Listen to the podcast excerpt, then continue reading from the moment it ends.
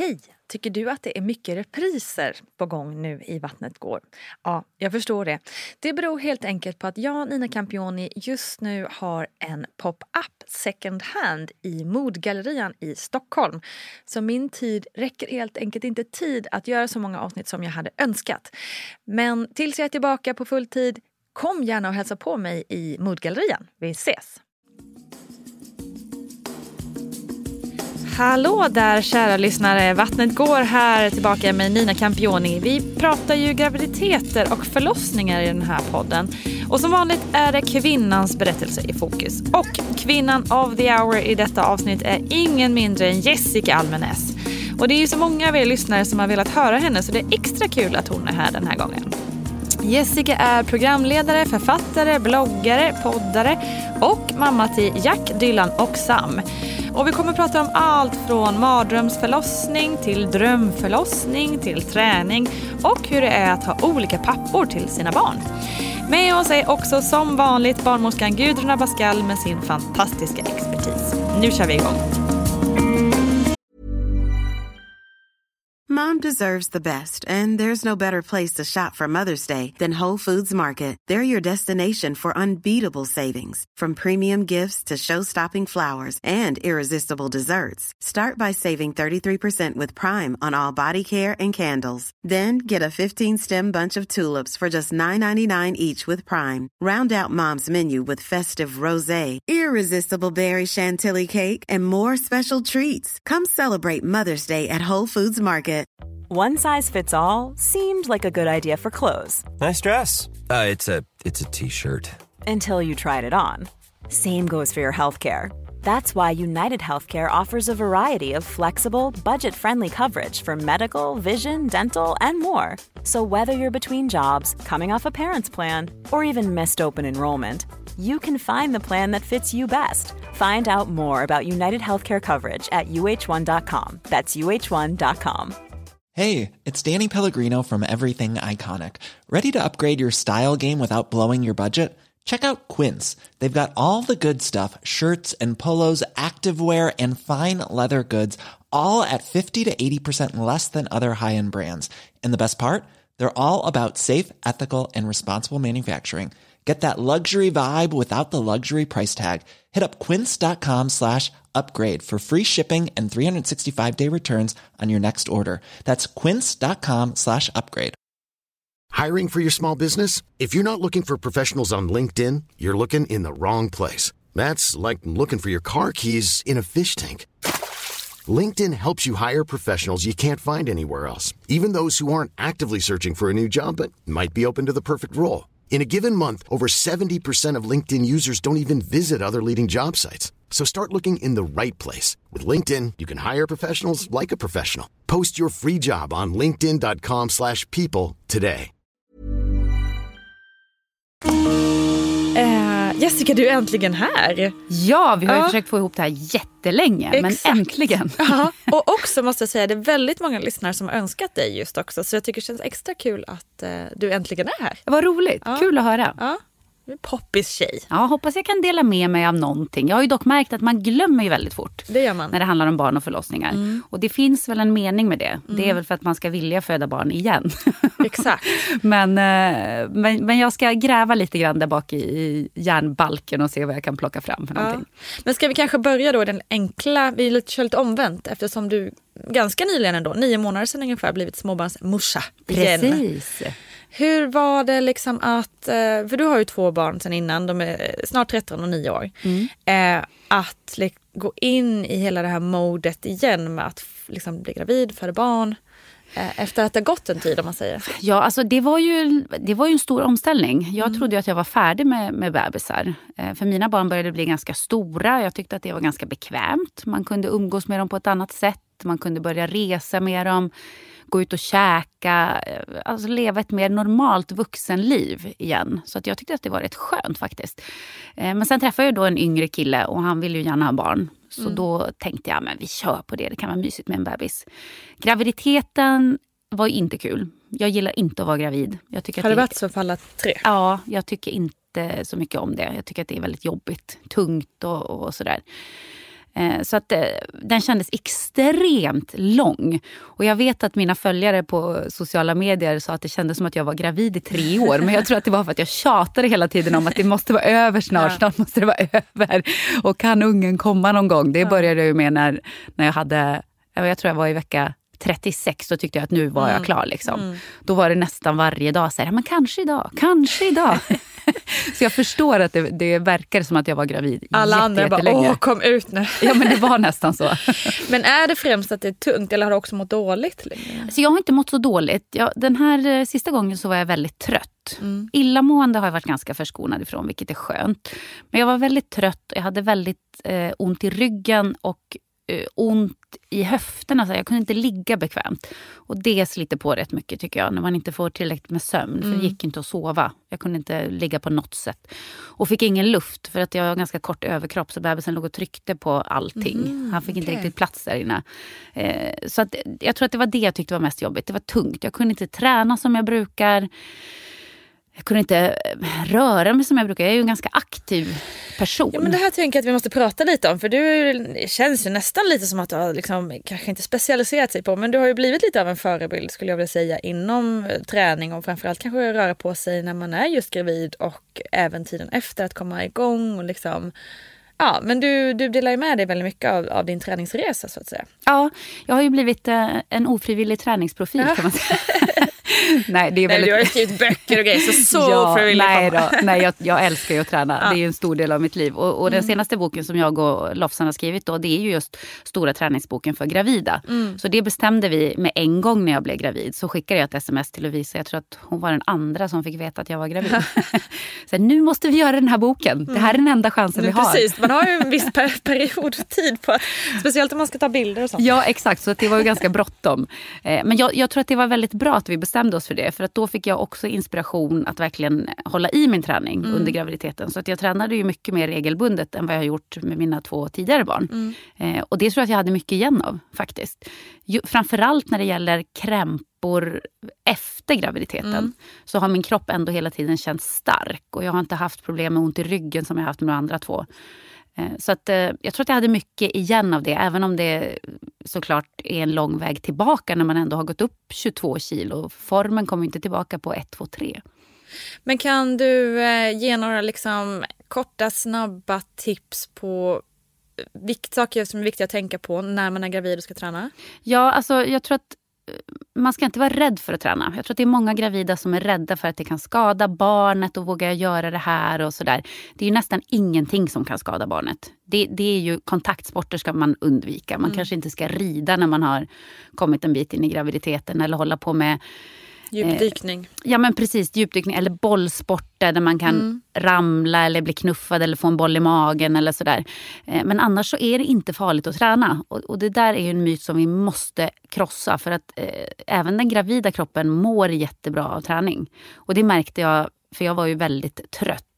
Eh, och, och då, det var frestande att tänka sig att jag ligger bara och vilar istället. Ja, alltså, är otroligt imponerande att man kommer Ja. upp ur soffan i ett sånt läge. Men du känner igen det där? Ja, gud, ja. Man är så Alltså, trött, man vill inget hellre än att bara ligga på soffan. Jag tvingar iväg mig själv till gymmet, tvingar ut mig själv på powerwalks eller gogging som jag brukar kalla det. Gå och jogga i kombination. Och sen Bra mådde jag ju kalla det för något som låter lite coolt. För annars kan man ju känna att man är lite så här, åh gud vad, my- nu är jag för, nu hoppas man ingen ser den typ. Ja, men det, det Men var ju det låter ju lite, nu ska jag ut och gogga. Ja, för det var lite pinsamt i början. Jag har ju alltid eh, sett ner lite grann på powerwalkande människor. Jag tänkte så här, men varför springer ni inte istället? Så himla töntigt liksom. ni går ju nästan lika fort som ni skulle jogga, så kom igen nu. Eh, Så att det tog emot lite grann i början när jag så här, körde så här, joggade lite grann, gick lite grann, joggade lite grann. Så tänkte jag, men jag är ju gravid, folk har ju överseende med det. Varför är man så himla brydd? Jag har tänkt, alltså ibland är det så töntigt om man typ så här springer ett varv ut på kanske någon park eller så, där man liksom Ingen bryr sig riktigt hur, hur snabbt man springer eller så, utan jag kan ta det i ganska lugnt tempo. Så fort man kommer upp på en, liksom, en gata i stan, Ja. jävlar vad jag springer Ja, fort.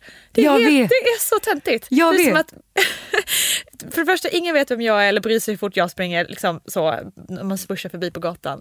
Och varför ska jag bry mig? Nej, men jag är precis likadan. Det är så konstigt. Så fort som man har någon slags publik, Ja. eller vad man ska säga Ja. inom situationstecken, Ja. då springer jag alltid lite fortare. Visst gör man det? Och sen bara puh, här var det Ja, inga människor, nu kan jag jogga lite igen.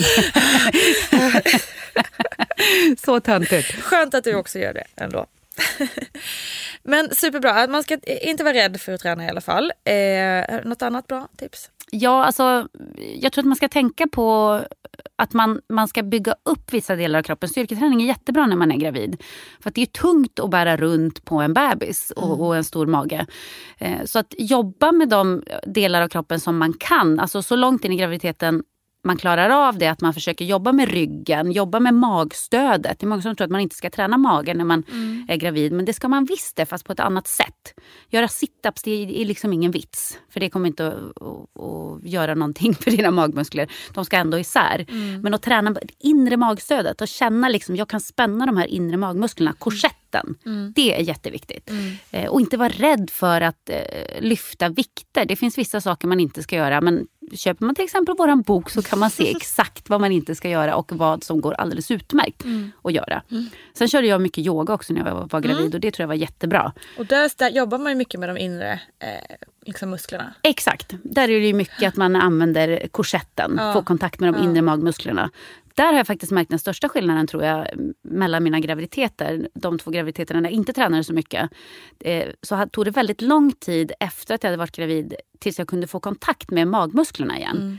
Jag kunde liksom stå i plankan och magen hängde ner. Det. Och det gick inte. Jag hittade ingenting där inne. Eh, Men nu så nästan direkt när Sam var ute, jag tror att det var tre dagar efter och jag testade om jag kunde känna magen och, och hitta magmusklerna och de var där. Så att det hade jag verkligen stor, stor nytta av. Har du något tips för motivationen då? Hur kommer man iväg när man är så där trött som du och- jag också varit? Ja, men man får ju tänka att man faktiskt blir piggare av att träna. Det är det man blir. Och det gäller ju vare sig man är gravid eller inte. Och gladare. Man blir piggare och man blir gladare och man orkar mer i vardagen. Det har ju både kortsiktig och långsiktig effekt faktiskt. Eh, Och jag tror att alla känner igen sig i det här när man är skittrött men ändå säger man jag går iväg till gymmet, jag kämpar mig iväg. Och sen när man kommer därifrån, då är man pigg. Och det är ju inget... Och stolt och nöjd. Och glad. Ja men eller hur, det är inget magiskt med det. Det är så kroppen funkar. Den, den vill ha rörelse och aktivitet.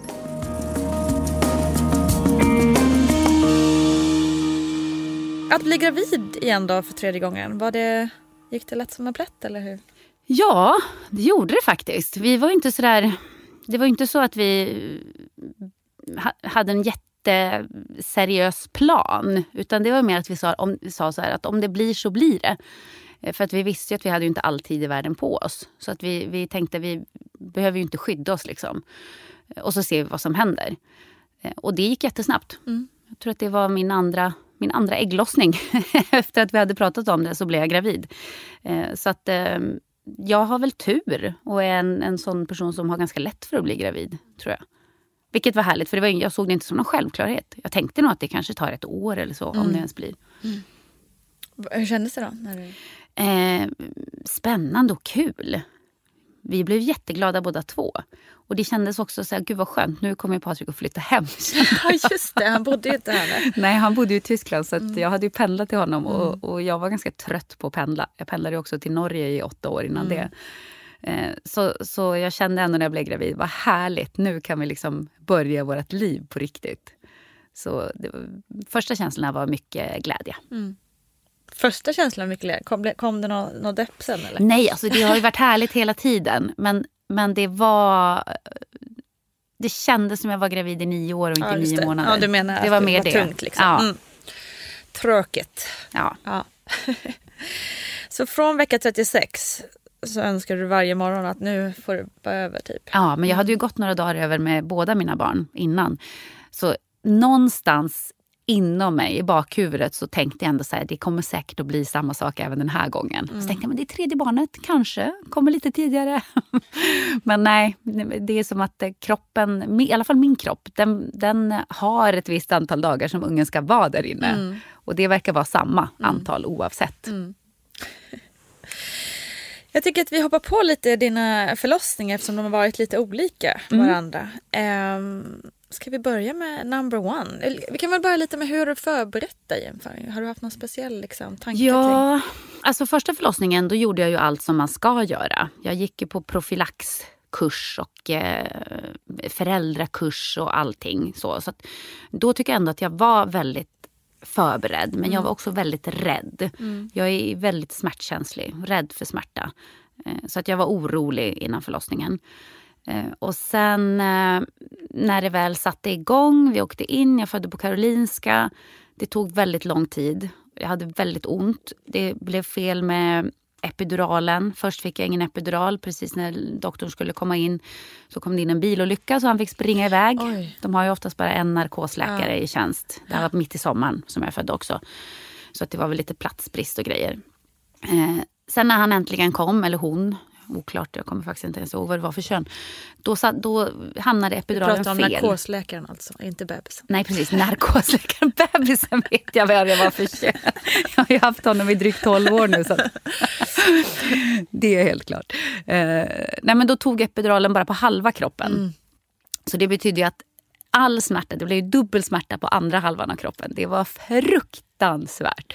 Så då fick jag bedövning, en stor spruta rätt in i slidan. Jag vet inte vad det är för bedövning. Men Va? ja, den, är, den, den var väldigt märklig i alla fall. Okej, intressant. här ja. måste jag skriva upp så får vi fråga Ja, Gudrun. ja men du detta. vet det här med detaljer. Det, det, jag Ja, kommer inte ihåg nej, så det mycket. var Det är så lång sedan. tid sen det här hände. Men det var i alla fall fruktansvärt. Det gjorde väldigt, väldigt ont. Han kom inte ut eh, och jag kämpade på. Och när jag hade krystvärkar så låg jag bara och skrek att jag dör, jag dör, Oj. hjälp mig, jag vill inte mer, låt mig dö. Alltså, jag skrek så högt och det var så varmt. Det var varmaste sommaren på jättelänge. Alla fönster var öppna.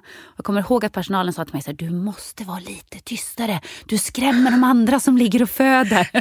inte så att jag brydde mig om det Nej, då. jag förstår, det förstår jag verkligen. Det skulle, tycker jag inte heller du ska. Nej, för jag, jag var inte närvarande. Den smärtan var jag fy. absolut inte beredd på. Det var fruktansvärt.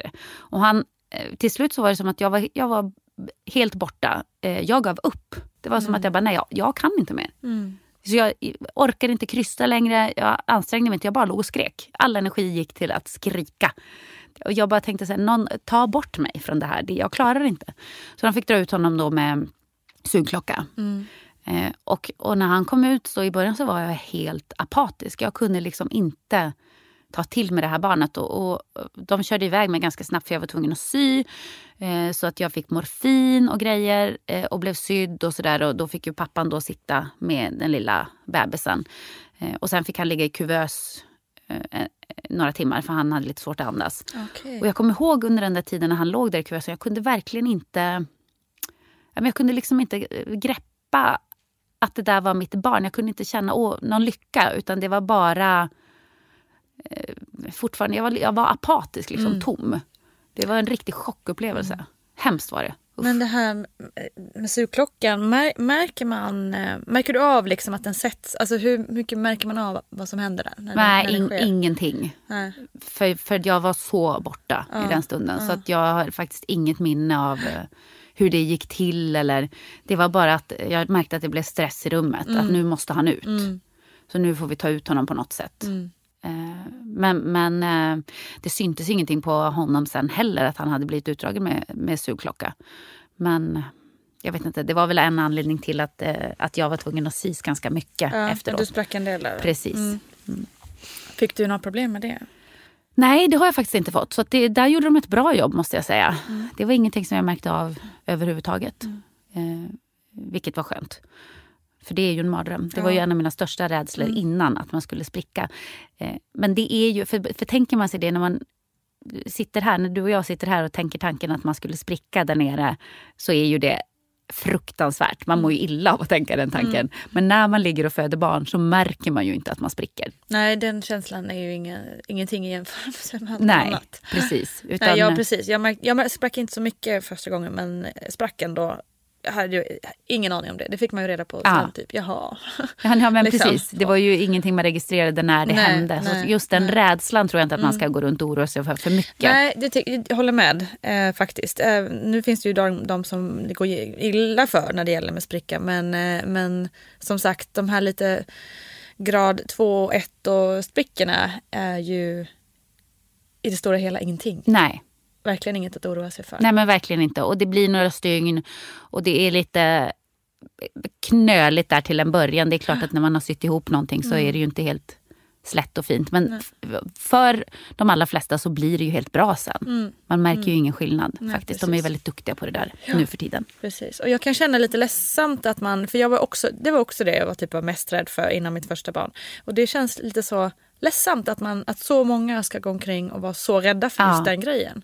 Eh, Men det kanske också är för att det är mer eh, enkelt att förstå kanske. Jag vet inte. Om man jämför med Ja, annat. men det är väl kanske någonting som man faktiskt kan tänka sig och Ja. sätta sig in i. Ja. Hur det känns att föda ut ett barn, det kan man ju verkligen inte sätta sig in Nej, i innan sant. man gör det första gången. Precis. Det går inte. Jag tror att det var därför också som, som jag blev så chockad eh, av den smärtan. Jag hade inte kunnat föreställa mig. Nej. Jag hade aldrig varit med om en smärta som ens var i närheten. Mm. Eh, Så jag tror att det kom över mig eh, på ett sätt som bara knockade mig totalt Mm. och tog liksom bort fokus på att nu ska vi få ut det här barnet. Men sätt. det är ju inte så lätt att hitta det fokuset. Jag, för jag upplevde ju samma första barnet. Att eh, man blir chockad och totalt jävla livrädd. Ja. Eller jag blev det. Ja, inte ja, man men jag kanske. med. Det, men, ja. men hur... ehm, och jag känner också igen den här apatin och svårigheten i att liksom, dels förstå att det där är mitt barn eller, eller, och också känna någon som helst känsla. Ja. Ehm, hur, länge, hur länge upplevde du det? Eller när började det släppa och du kunde ta till dig? Nej, men jag tror att eh, det värsta släppte ju liksom under det första dygnet när han sen fick komma ut ur kuvösen. För det var också svårt när man inte ens Precis. kunde hålla Nej, i sitt nej. barn. Utan han låg ju där i en låda liksom de första timmarna. Så det var ju svårt att hitta den där, den där känslan liksom för bebisen. Men sen när, han började amma och det, började, det funkade ganska bra redan från början och sådär. Så släppte det så att det var ingen depression som Nej. hängde i. Men däremot eh, den här chocken och traumat från förlossningen, det hängde i ganska länge. Jag gick ju i samtal i flera månader efteråt och tänkte under lång, lång tid att jag kommer aldrig mer att föda barn. Jag utsätter mig aldrig mer för den vidriga, hemska grejen.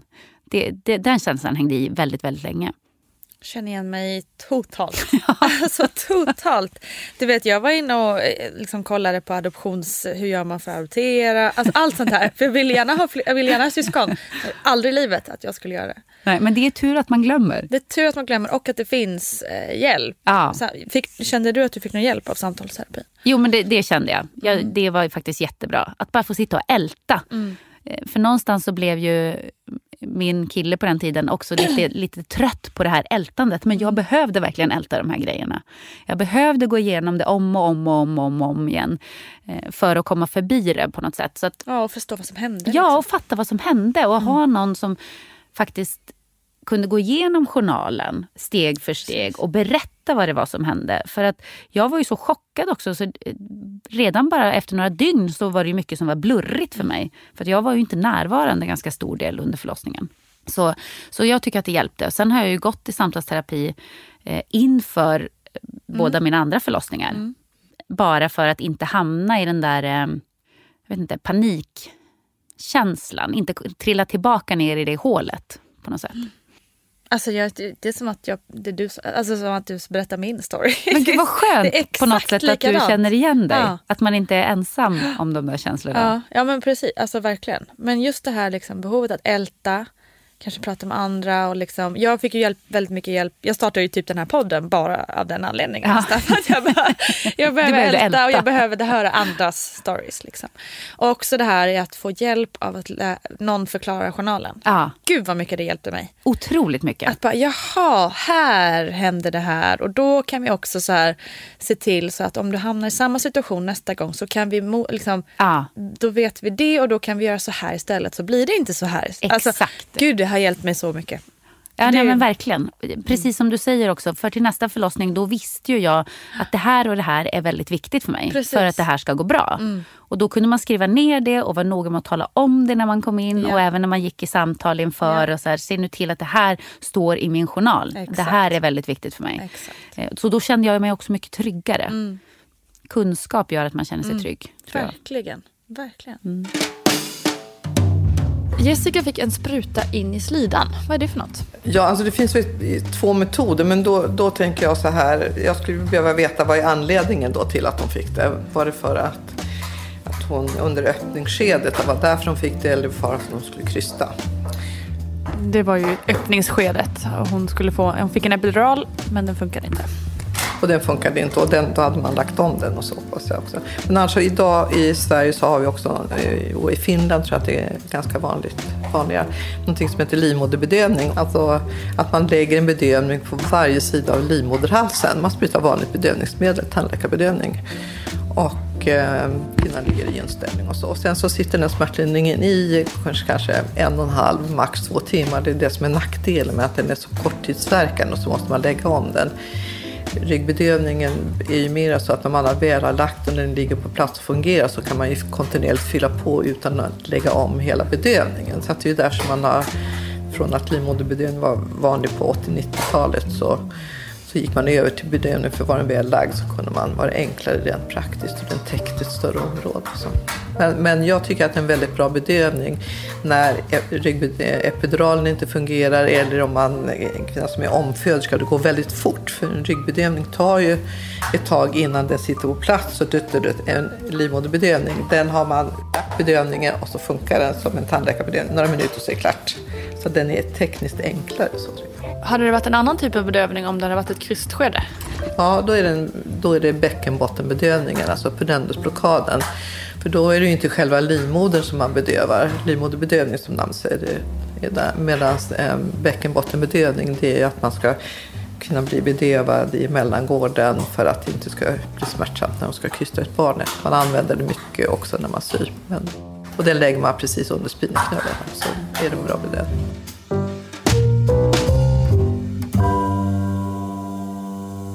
Men hur var det då eh, att ens besluta att eh, försöka bli gravid igen?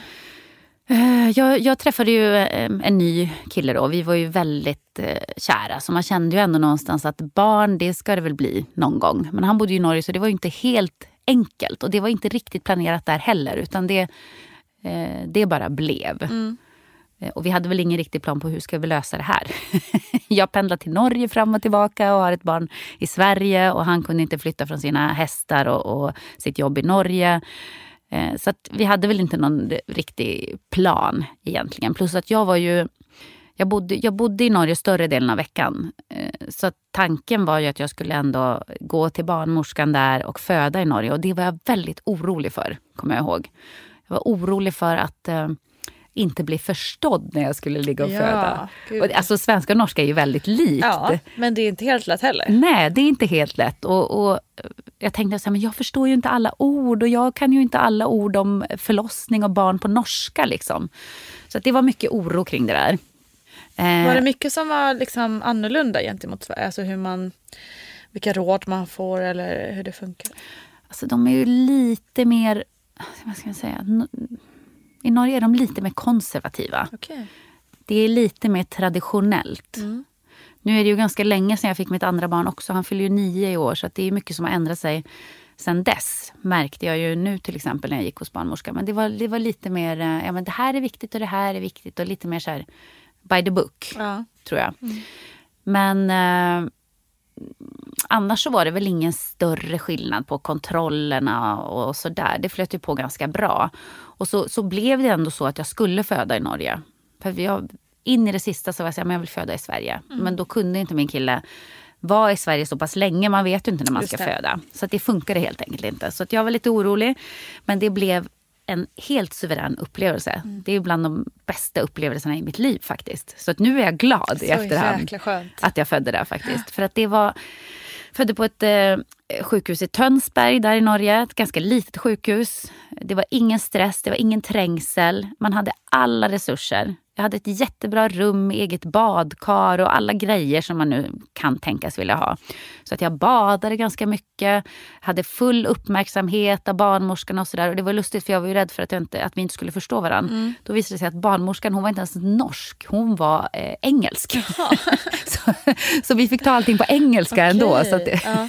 och det var jag ju lite orolig för också. Hur ska det gå när jag blir stressad och jag inte vet vad jag ska Precis. säga på engelska? bara skriker ut något. Ja men precis. Nej men det gick bra. Ja. Så att jag klarade av verkarna fint med badet där och hade det härligt. Eh, fick epiduralen i precis rätt tillfälle. Och tog på båda. tog på båda sidorna. Den tog perfekt så den tog bort värsta smärtan. Och ja, det var inte många krystverkar kan jag säga. Och så bara sköt han ut som en kanon Dylan. Så att barnmorskan fick typ fånga honom Nej. som en, eh, som en amerikansk fotboll nästan. Hon var bara så här, tur att jag var med. Han höll på att flyga ut på golvet. Och, och då kände jag mig jättebra efteråt. Jag fick ett sånt adrenalinrus, endorfinrus. Så direkt när han hade kommit ut så sa jag bara till min kille så här, nu måste vi ha ett barn till. Jag vill föda barn igen med en gång. Det var en otroligt häftig upplevelse. Gud vad härligt. Vilken jätteskillnad. Ja, första. det var så häftigt att det kunde vändas liksom från absolut katastrof Mm. till att bli eh, något som jag bara ville göra igen och igen och igen och igen.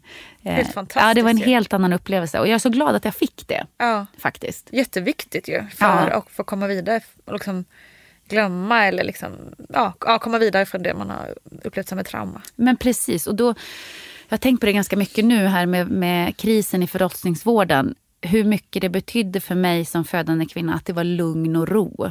Att det var ingen stress, att det var ingen som hade bråttom för att springa in till någon annan.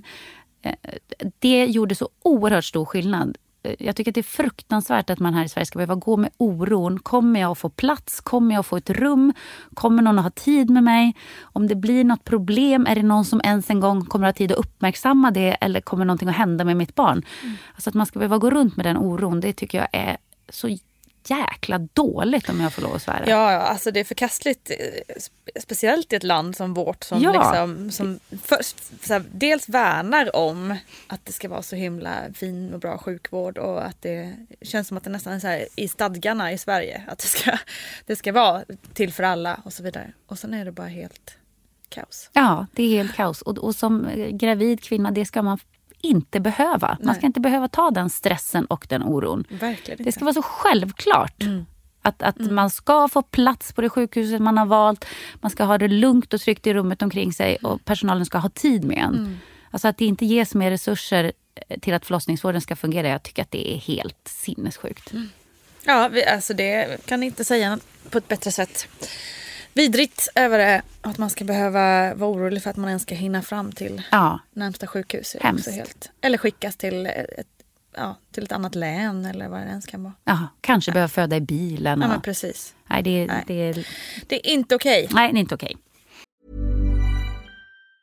Mom deserves the best, and there's no better place to shop for Mother's Day than Whole Foods Market. They're your destination for unbeatable savings, from premium gifts to show-stopping flowers and irresistible desserts. Start by saving 33% with Prime on all body care and candles. Then get a 15-stem bunch of tulips for just $9.99 each with Prime. Round out Mom's menu with festive rosé, irresistible berry chantilly cake, and more special treats. Come celebrate Mother's Day at Whole Foods Market. Life is full of awesome what ifs, and some not so much, like unexpected medical costs. That's why United Healthcare provides Health Protector Guard fixed indemnity insurance plans to supplement your primary plan and help manage out of pocket costs. Learn more at uh1.com. Ready to pop the question? The jewelers at BlueNile.com have got sparkle down to a science with beautiful lab grown diamonds worthy of your most brilliant moments. Their lab grown diamonds are independently graded and guaranteed identical to natural diamonds, and they're ready to ship to your door. Go to BlueNile.com and use promo code LISTEN to get $50 off your purchase of $500 or more. That's code LISTEN at BlueNile.com for $50 off. BlueNile.com code LISTEN. Planning for your next trip? Elevate your travel style with Quince. Quince has all the jet setting essentials you'll want for your next getaway, like European linen, premium luggage options, buttery soft Italian leather bags, and so much more. And it's all priced at 50 to 80% less than similar brands. Plus, Quince only works with factories that use safe and ethical manufacturing practices. Pack your bags with high-quality essentials you'll be wearing for vacations to come with Quince. Go to quince.com slash trip for free shipping and 365-day returns. Ever catch yourself eating the same flavorless dinner three days in a row? Dreaming of something better? Well, HelloFresh is your guilt-free dream come true, baby. It's me, Gigi Palmer. Let's wake up those taste buds with hot, juicy pecan-crusted chicken or garlic butter shrimp scampi. Mm. Hello Fresh. Stop dreaming of all the delicious possibilities and dig in at hellofresh.com. Let's get this dinner party started.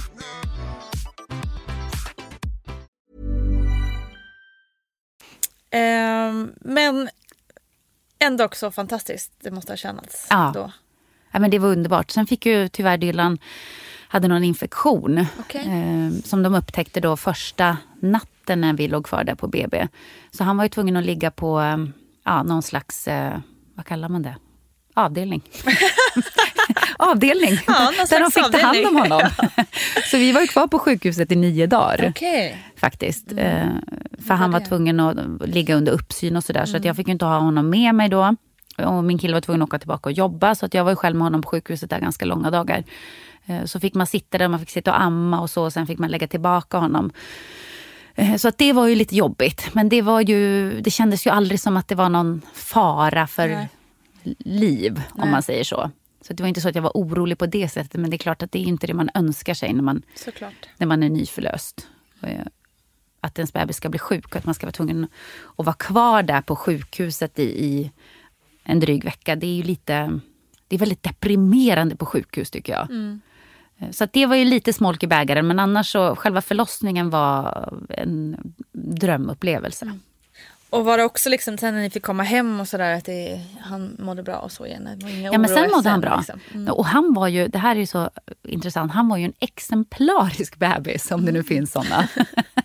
han sov ganska tidigt hela nätter och vaknade han så åt han i sängen, jag ammade liggande och så somnade han om med en gång. Inga problem. Och, och sov liksom till rimliga tider på morgonen. Man fick ordentligt med sömn, jag var utvilad.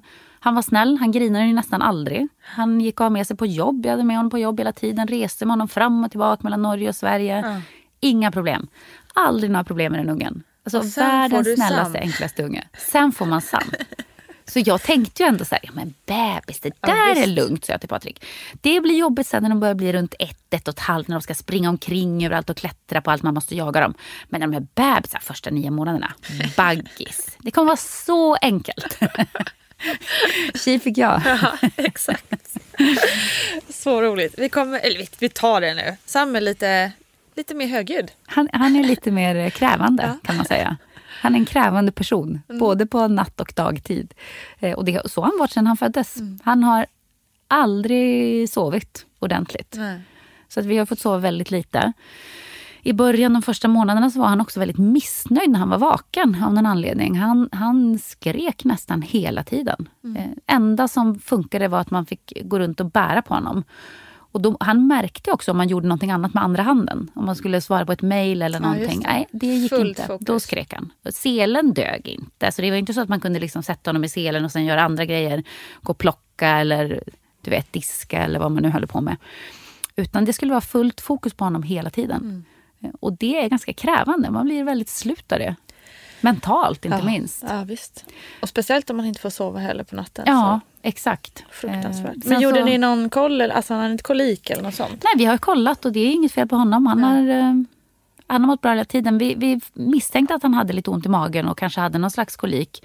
Och han har fått droppa för det och sådär. Men jag tycker att det hjälpte väl lite grann, men inte jättemycket. Eh, och sen eh, varje gång han har kommit ur en period så har det kommit något nytt.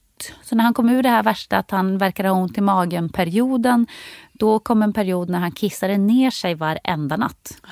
Eh, Och då började det skrika på grund av det. Då fick man ju gå upp och, och byta pyjamas och allting. Och byta alla sängkläder och så här varje natt. Den här. Och han kissade på sig alltså kanske tre, två, tre gånger per natt. Oj, Och då, okej. Så det gällde ju att ha rena lakan och sånt redo. Eh, och det var jobbigt faktiskt. Och sen kom det någon ny period när det var någonting annat. Så fick han tänder ganska tidigt. Mm. Och då var det ju det. Då skrek han ju dygnet runt på grund av de där tänderna. Och, ja. Han- är en riktigt... Eh, En karaktär. ja, han är en karaktär. Sam från savannen brukar vi kalla honom. Han är egentligen, han är egentligen född och uppväxt bland hyenor. så vi kan komma till människovärlden. Han har fortfarande kvar mycket av sitt så beteende från savannen. Gullis. Men jätteroligt. Vi hoppar ju väldigt mycket här i tid, tiderna som ni märker. Eh, men vi går tillbaka då till eh, ja, men, mardrömsförlossning nummer ett, fantastisk förlossning nummer två. Ja. Och sen är vi då på väg in för nummer tre. Hur kände du inför det? Ja, alltså jag kände väl att jag hade glömt bort nästan allt från mina tidigare förlossningar. Mm. Jag kommer ihåg det här jag sitter och berättar för dig. Mm. Men jag kommer inte ihåg i detalj hur gick det till, hur var det, vad hände då? Så jag var tvungen att läsa på mig ganska mycket mm. igen. Mm. Vilket är märkligt för alla tror ju att när man har två barn sedan innan så är man någon slags veteran. Och jag kände mig som nybörjare. Jag tänkte så här, va? Nej, men vad händer då? Hur, hur går det här till?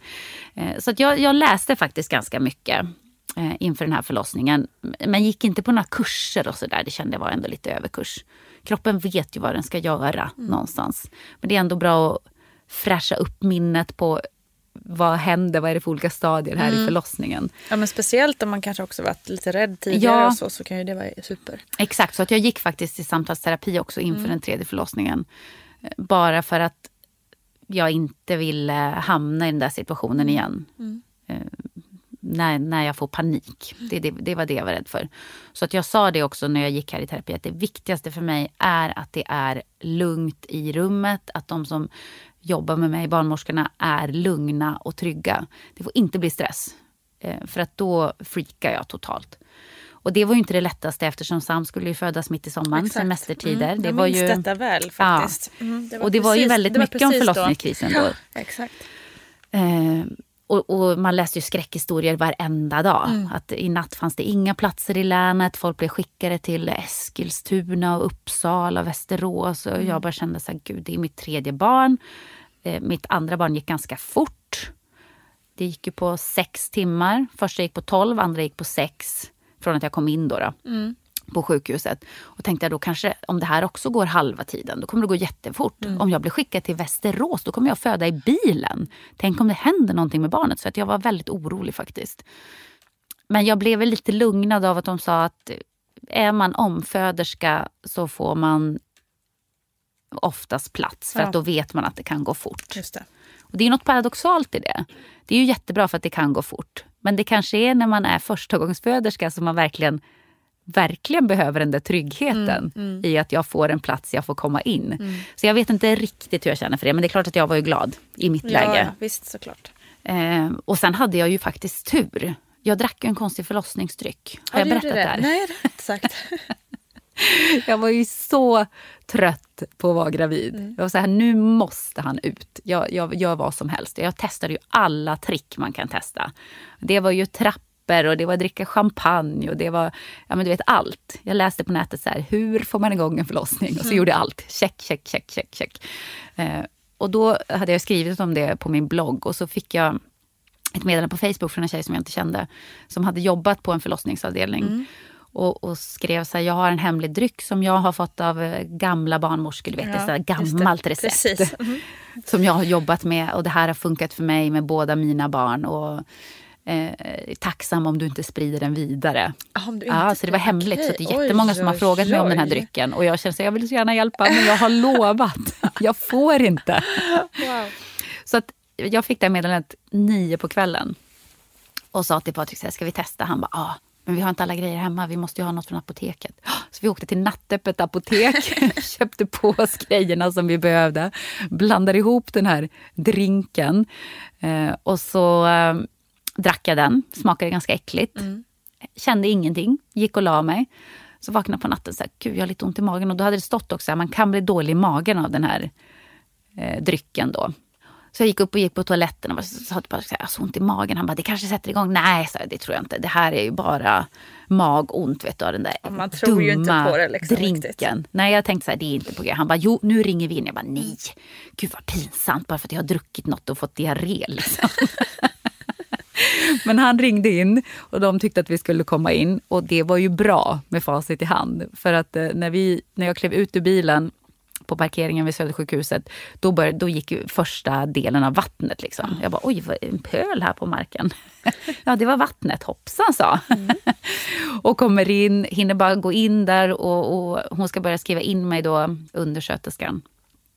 Eh, och då bara flopp, då går resten av vattnet. Så säger jag till henne så här, oj, du, jag tror att vattnet gick. Jag kanske kan få några nya kläder. så det var ju tur att jag åkte in, för sen ja, gick verkligen. det väldigt fort. Ja, det gjorde det? Ja, vi kom in vid tre och han var född klockan sju. Ja jäklar, då blir det ju nästan halverat Ja, då. precis. Shit. Så att om jag skulle få ett fjärde barn då jäklar hinner Då man knappt du, in till sjukhuset får du in på hotell i närheten av närmsta sjukhus. Verkligen. Shit. Ja. Hur var det då? Ehm, men det gick bra tycker jag. Det var, de, var väldigt, de läste ju igenom eh, mina önskemål som stod i min journal. Så att det var väldigt lugnt och tryggt. Och det var någon som var i rummet nästan hela tiden. Vilket jag tyckte var jätteskönt. Sen i efterhand fick jag ju veta att hade vi ringt in 20 minuter senare så hade det varit helt fullt. så att vi hade ju bara tur. Eh, Och då vet jag inte vad som hade hänt. Men gud, jag orkar inte ens tänka på det. Usch. Eh, Nej, det är sen- ju tur man inte vet så mycket innan. Alltså att man, man får bara veta. Du får Ja, komma in liksom. exakt. Istället för att höra att ja, det är tajt men du får komma. Ja, vi får, ja. nej, nej, men Så det är vill bra ändå att de är liksom så. Mm. Det, utan jag hade verkligen flax. Det var efteråt som de sa det är tur att du kom in när du kom in. För sen blev det fullt och det var fullt hela natten.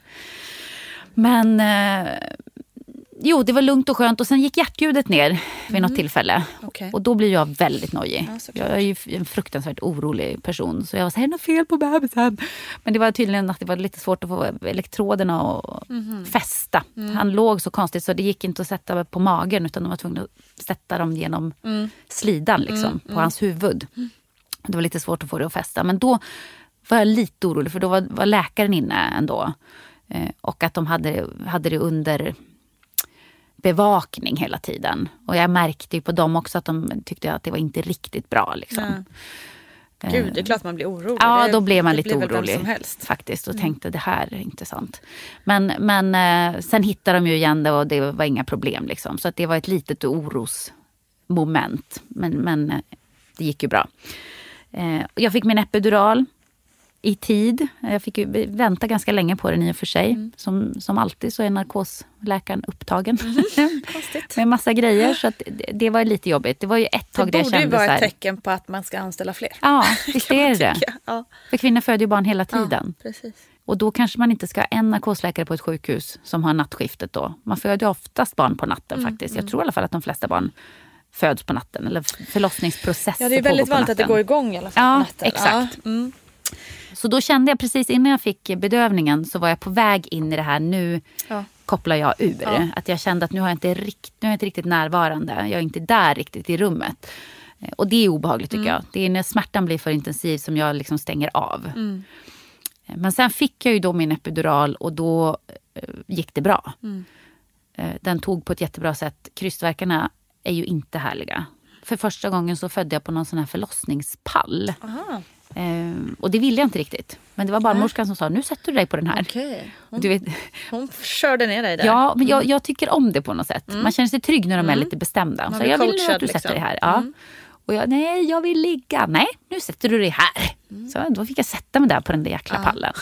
Och föda där. Och då satt Patrik bakom mig. Ja, Liksom. just det. Är nog rätt bra liksom, att man gör det tillsammans på Ja. något sätt. Även om man inte gör det tillsammans. Men du fattar vad jag menar. Jo, men jag tycker ändå att det var bra. Och jag vet att när, verkarna, eller när krystvärkarna kom så jag höll ju så hårt i honom så han fick blåmärken på armen. Stackarn. jag var, jag var ganska hårdhänt mot honom. Där, Ja men jag det är ju fasen bra. Då får han känna på lite. Det är inte så lätt att föda barn. Och sen kom han ut då eh, och skrek, precis som han fortfarande gör. Hög röst.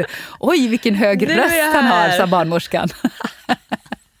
hög volym redan från början. Han hade tryck i lungorna. Ja. Kom ut och han var ju alldeles blodig och smutsig av både det ena och det andra. Och Patrik kom ihåg, han hade på sig en vit t-shirt och barnmorskan bara, här, du kan hålla honom. på hans vita t-shirt. Han Sloff. såg ut som han hade varit med i ett jätteslagsmål Ja. efteråt, alldeles blodig och dan. Eh, nej men så det, det, det var ändå en bra upplevelse. Och jag tror kanske att jag har att jag ändå tränade så pass mycket under graviditeten och tacka för att efter förlossningen så var jag jättepigg med en gång. Jag var uppe och gick med en gång, det har jag aldrig varit efter mina tidigare. Kunde gå och kissa och duschade ganska snabbt och kände mig ändå så här, ja ja. Det har väl inte hänt något Det speciellt är så idag. coolt alltså. Visst är det häftigt? Jag var inte alls så där mörbultad som, som jag har varit efter mina tidigare förlossningar. Utan kände mig ändå rätt pigg. Är Fantastiskt. Ja, det, det är det faktiskt. Det Du känner dig lätt också säkert. Och blivit av med det där. Ja, men jag, jag blev ju inte av med så himla mycket. så jag känner mig nog fortfarande ganska tung. Nej, det hänger ju kvar ett tag, det får man ju säga. Eh, Jessica halverade ju tiden på sina förlossningar med, med varje barn så att säga. Är det en, liksom en generell regel eller, eller vad blir det så ibland? Nej, om man, det är väl så myterna säger, så här, kvinnor säger så här, att det går fortare för varje barn. Eh, och så är det inte så till slut när man är uppe i sitt åttonde barn så bara hoppsan, nu kom den. och så är det inte. Tittar man på statistiken så är det nog Eh, så kan vi säga att barn nummer ett det tar längsta tiden förstås. Och sen är det nog barn nummer två där risken för komplikationer och tiden också att den halverad, att det är den snabbaste delen. Och nummer två och nummer tre, eh, tittar på statistiken så är det lika. Sedan när man är uppe i femte, sjätte barn så kan det ta mycket längre tid. Alltså då, precis som om kroppen har jobbat så mycket så att den orkar inte vara lika, arbeta lika effektivt. Så att eh, det är inte, statistiken säger inte så. Sen för den enskilda kvinnan, ja, det är en annan sak.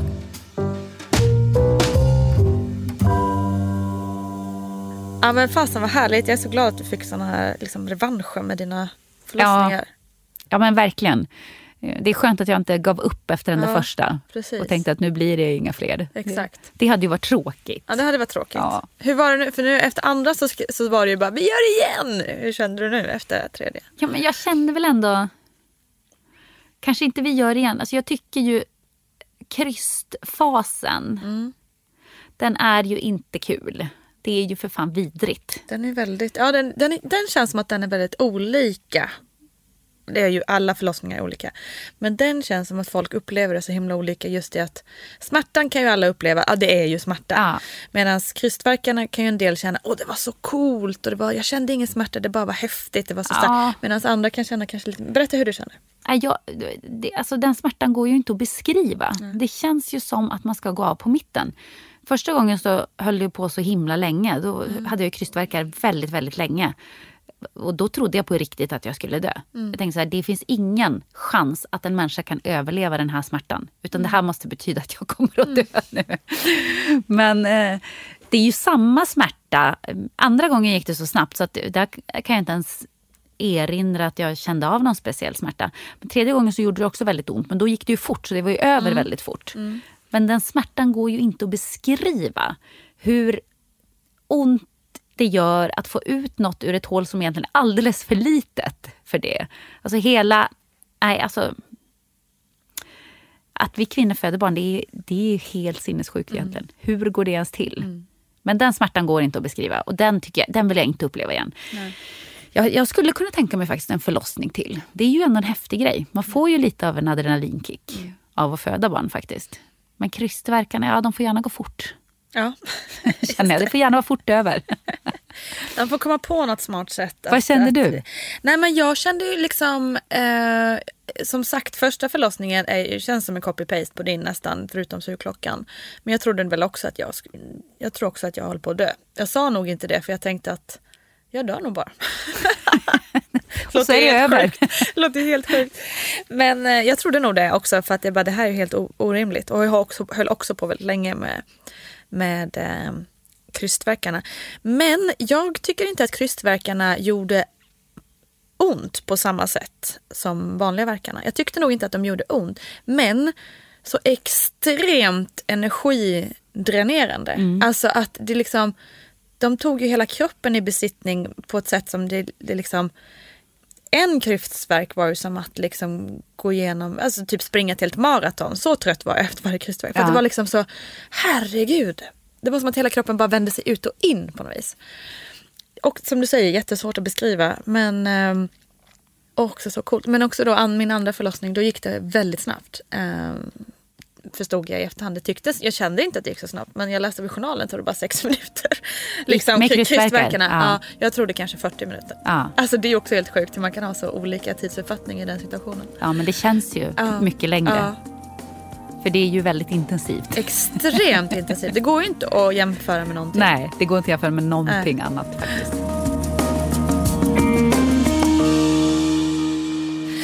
Du, jag måste fråga en helt annan sak. Vi har nog aldrig pratat om det här i podden. Eh, och nu blir det kanske lite personligt på ett annat plan. Men du har ju tre olika pappor. Mm. Eh, och jag tycker att det är lite så här du har sån cool liksom Nej, men så pendlar vi dit till det landet och så pendlar vi dit till det. så det låter så här, låter ändå så himla liksom enkelt på något sätt. Jag vet inte, det kanske inte är så enkelt naturligtvis. Kanske inte, jag vet inte. Men hur har dina tankar gått kring det liksom? Att man har olika fäder och har det varit jobbigt eller känns det bara så här, äh, det är så, så livet är? Nej, men alltså, för, för mig har nog aldrig det här jättetraditionella livet eh, varit på tal på något sätt. Nej. För att det, jag tror inte det passar mig. Jag är en alldeles för rastlös person. Det går, jag har aldrig liksom tänkt att jag ska sitta med mamma, pappa, barn. Jag ska vara ihop med samma person hela livet och vi ska få 17 barn och sådär. Sen är, när man går in i en relation så tänker man ju att det här ska hålla hela livet. Det är klart att man gör. Annars så går man ju inte in i en relation. Om man, tänker, om man träffar någon och tänker så här, men vi är väl ihop några år och sen går vi skilda vägar. Då ska man ju inte vara ihop med någon. Tycker inte jag i alla fall. Så funkar det inte för mig. Så det är klart att jag alltid haft intentionen att det här ska hålla. Men sen har det heller inte varit eh, jordens största grej när det inte har gjort det. Det har ju varit en stor sorg såklart Mm. när relationer inte håller. Och det har ju varit svinjobbigt. Uppbrott är ju vidriga. Men samtidigt så har jag väl ändå känt att det har ju varit enda alternativet. För mig har det aldrig varit ett alternativ att nu håller vi ihop för att vi har barn. Nej, det. Det, det tror jag inte på Nej. överhuvudtaget. Det tror jag inte funkar. Eh, Det tror jag gör olyckliga människor Mm. och olyckliga barn Mm. också. Jag tror, Det inte, tror jag jag, tror faktiskt inte att barnen tjänar någonting på det. Att två människor lever med varandra utan att de vill, bara för barnens skull. Så att det har aldrig varit något alternativ. Men sen, det har inte varit lätt. Det har det inte varit. Pendla är vidrigt. Det vill jag aldrig mer göra igen i hela mitt liv. Eh, nu vet jag inte varför det har blivit så. att jag först träffar någon som bor i Norge och pendlar dit i åtta år och sen träffar jag någon som bor i Tyskland och pendlar dit i två och ett halvt år. Ja. Liksom. Åtta år, det är lång tid. Ja, det är lång Ja, tid. det är det. Och då har jag pendlat varje vecka. Och varit halva veckan i Norge ungefär och halva i Sverige. Ja, det är ju väldigt otroligt. Svinjobbigt var det Mm. faktiskt. Och det var de sista åren så, så vet jag att jag sa det till mitt ex att jag orkar inte mer. Det här pendlandet, det, det tar koll på mig. Mm. Det var pendlandet, tror jag, som var en starkt bidragande orsak till att jag faktiskt blev utmattad andra Ja, gången. För den processen, när man går in i en utmattning eller utbrändhet, det händer ju inte på en dag. Nej. För mig tror jag att det tog flera år att slipa ner mig Mm. till den eh, till liksom den gränsen när det var nog, Mm. när kroppen la av. Så nu går det inte mer. Nu har du pressat mig för hårt för länge. Liksom. Eh, men just det här med olika pappor, jag vet inte. Folk gör ju en väldigt stor grej av det. Jag tycker inte att det är så stor grej. Mm. Nej, för men det är det, jag så menar, grej. det är det jag menar är väldigt inspirerande. Att jag tycker att det behöver, behöver inte vara så jävla stor grej. Nej, och det, det är ju, känns ju som en väldigt gammeldags syn. Mm. Att enda sättet att bilda familj ska vara att man är mamma, pappa, barn och sen så är det så för alltid. Exakt. Det är ju så otroligt tydligt att det inte är så samhlet Eller ser hur? ut. Eller vi människor nästan- fungerar inte så. En del fungerar så, en del fungerar på ett annat sätt. Ja. En del eh, eh, får barn själv, en del får barn med en tjej. En del, liksom, Ja. det, det, är så här, det är så otroligt konstigt att det fortfarande är utifrån det här mamma, pappa, barn-normen som allting ses. Exakt. Sen kanske det är lite annorlunda för vi bor i en storstad. Eh, Och här kanske, jag vet inte, jag, så här, när man tittar i sin egen umgängeskrets och kanske bland eh, barnens eh, klasskamraters föräldrar och så här, så är det nästan färre som har det där mamma, pappa, barn, kärnfamiljen än som inte har det. Om du förstår vad jag menar. Det finns ju så, så många olika lösningar så för mig känns det ju helt naturligt. Men jag kan förstå kanske att um, ute i landet, det kanske är, fortfarande är mer traditionellt. Och där kanske man reagerar på det här. Men jag har väldigt svårt att sätta mig in i det. För, för, för mig är det verkligen inget konstigt. Har du något tips liksom, ehm, för hur man får, eh, får det att funka på ett smidigt sätt för alla om man är ganska många inblandade i en familj så att säga? Förstår Ja. Det är svårt. Det är ju det knepigaste tycker jag. Hur man ska få det att funka med eh, ungarnas kläder. Alltså ska de ha två uppsättningar? Hur ska man lösa allting? Vem betalar det? Vem tar ansvar för det? Hur sköter vi aktiviteterna? Vi vill åka på semester då. Jaha, men vi vill åka på semester då och nu krockar allting med allting. Så här. Det är ju lite pusslande. Det är det ju när det är så många att ta hänsyn till. Nu har jag haft tur. Det funkar ju väldigt bra. Eh, vi har jättebra kontakt med min äldsta sons pappa och hans tjej och de har fått två nya barn så att eh, min son har ju syskon på den sidan också. Mm. Funkar skitbra där, inga problem alls och vi brukar ses och käka middagar och fira födelsedagar och sådär. Så att det är jättebra. Mm. Där flyter det på smidigt. Det är ju svårare eh, med Dylan som har sin pappa tyvärr i ett annat land. Ja, det är ju lite såklart. krångligt. Mm. Då kan man ju tyvärr inte dela lika. Eh, Så han går i skolan här och är där på, på lov och var tredje helg och sådär. Det är också lite knepigt för vi kan liksom inte planera att göra grejer hela familjen på lovet för då ska Dylan alltid åka till sin pappa och sådär. Eh, Så det är vissa saker som man får välja bort som är lite tråkigt. eh, Känner jag. Allt blir lite krångligare när man har så många att ta hänsyn till. Men jag tror att man, man ska försöka att hålla sams tror jag. Jag tror att man kan känna mycket bitterhet mot den här andra vuxna människan man har levt med men inte försöka hålla det separerat från att man faktiskt ska ta hand om sina barn. För försöker man hålla sams, ha en god ton mellan varann, försöker själv vara schysst och ställa upp när man kan, då tror jag att man får det tillbaka. När det blir en tävling och att man hela tiden ska försöka sätta käppar i hjulet för varandra, då förstör man ju inte bara för barnen, man förstör ju för sig själv också. Mm. Så att hålla sams. Jag, jag tycker det här som eh, Camilla Läckberg infört med att man ska ha en stjärnfamilj, det är ju jättebra. Sen kanske inte jag vill flytta ihop med, med mina ex och deras nya. Så här. Men, men ha en bra relation är Mm. Ja, viktigt. det måste ju vara A och O, Ja, tänker jag. och försöka ställa upp, Mm. känner jag också. Att har man möjlighet, om, om eh, den andra föräldern frågar du jag ska åka iväg och jobba då, skulle han kunna vara hos dig fast det inte är din vecka. Mm. Om man kan så säger man ju ja såklart.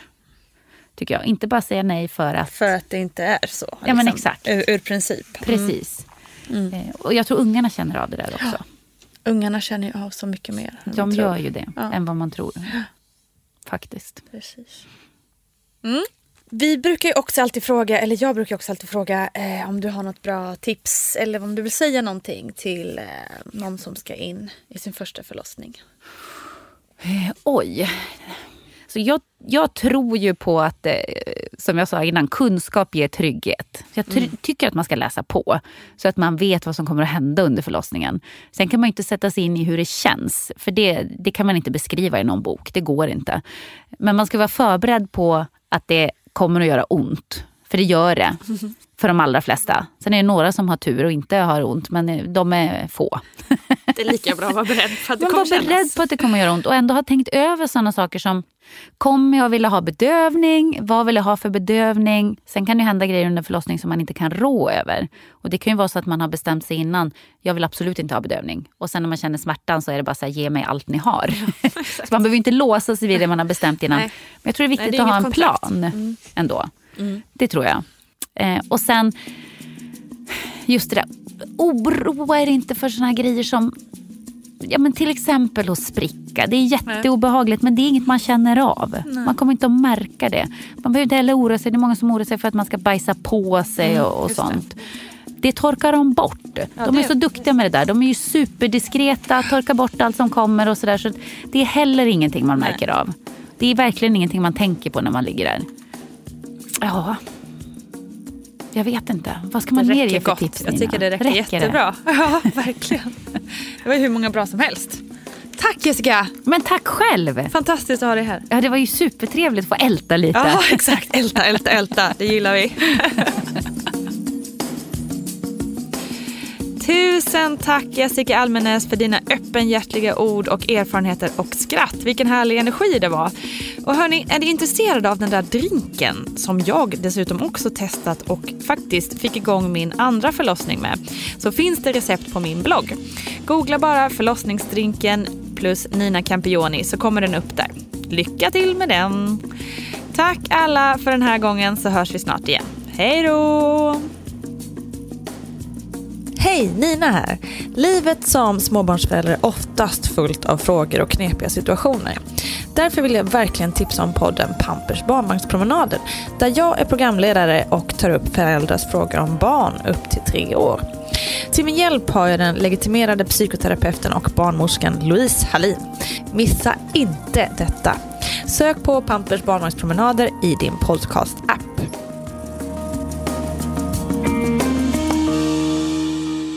Producerat av Perfect Day Media.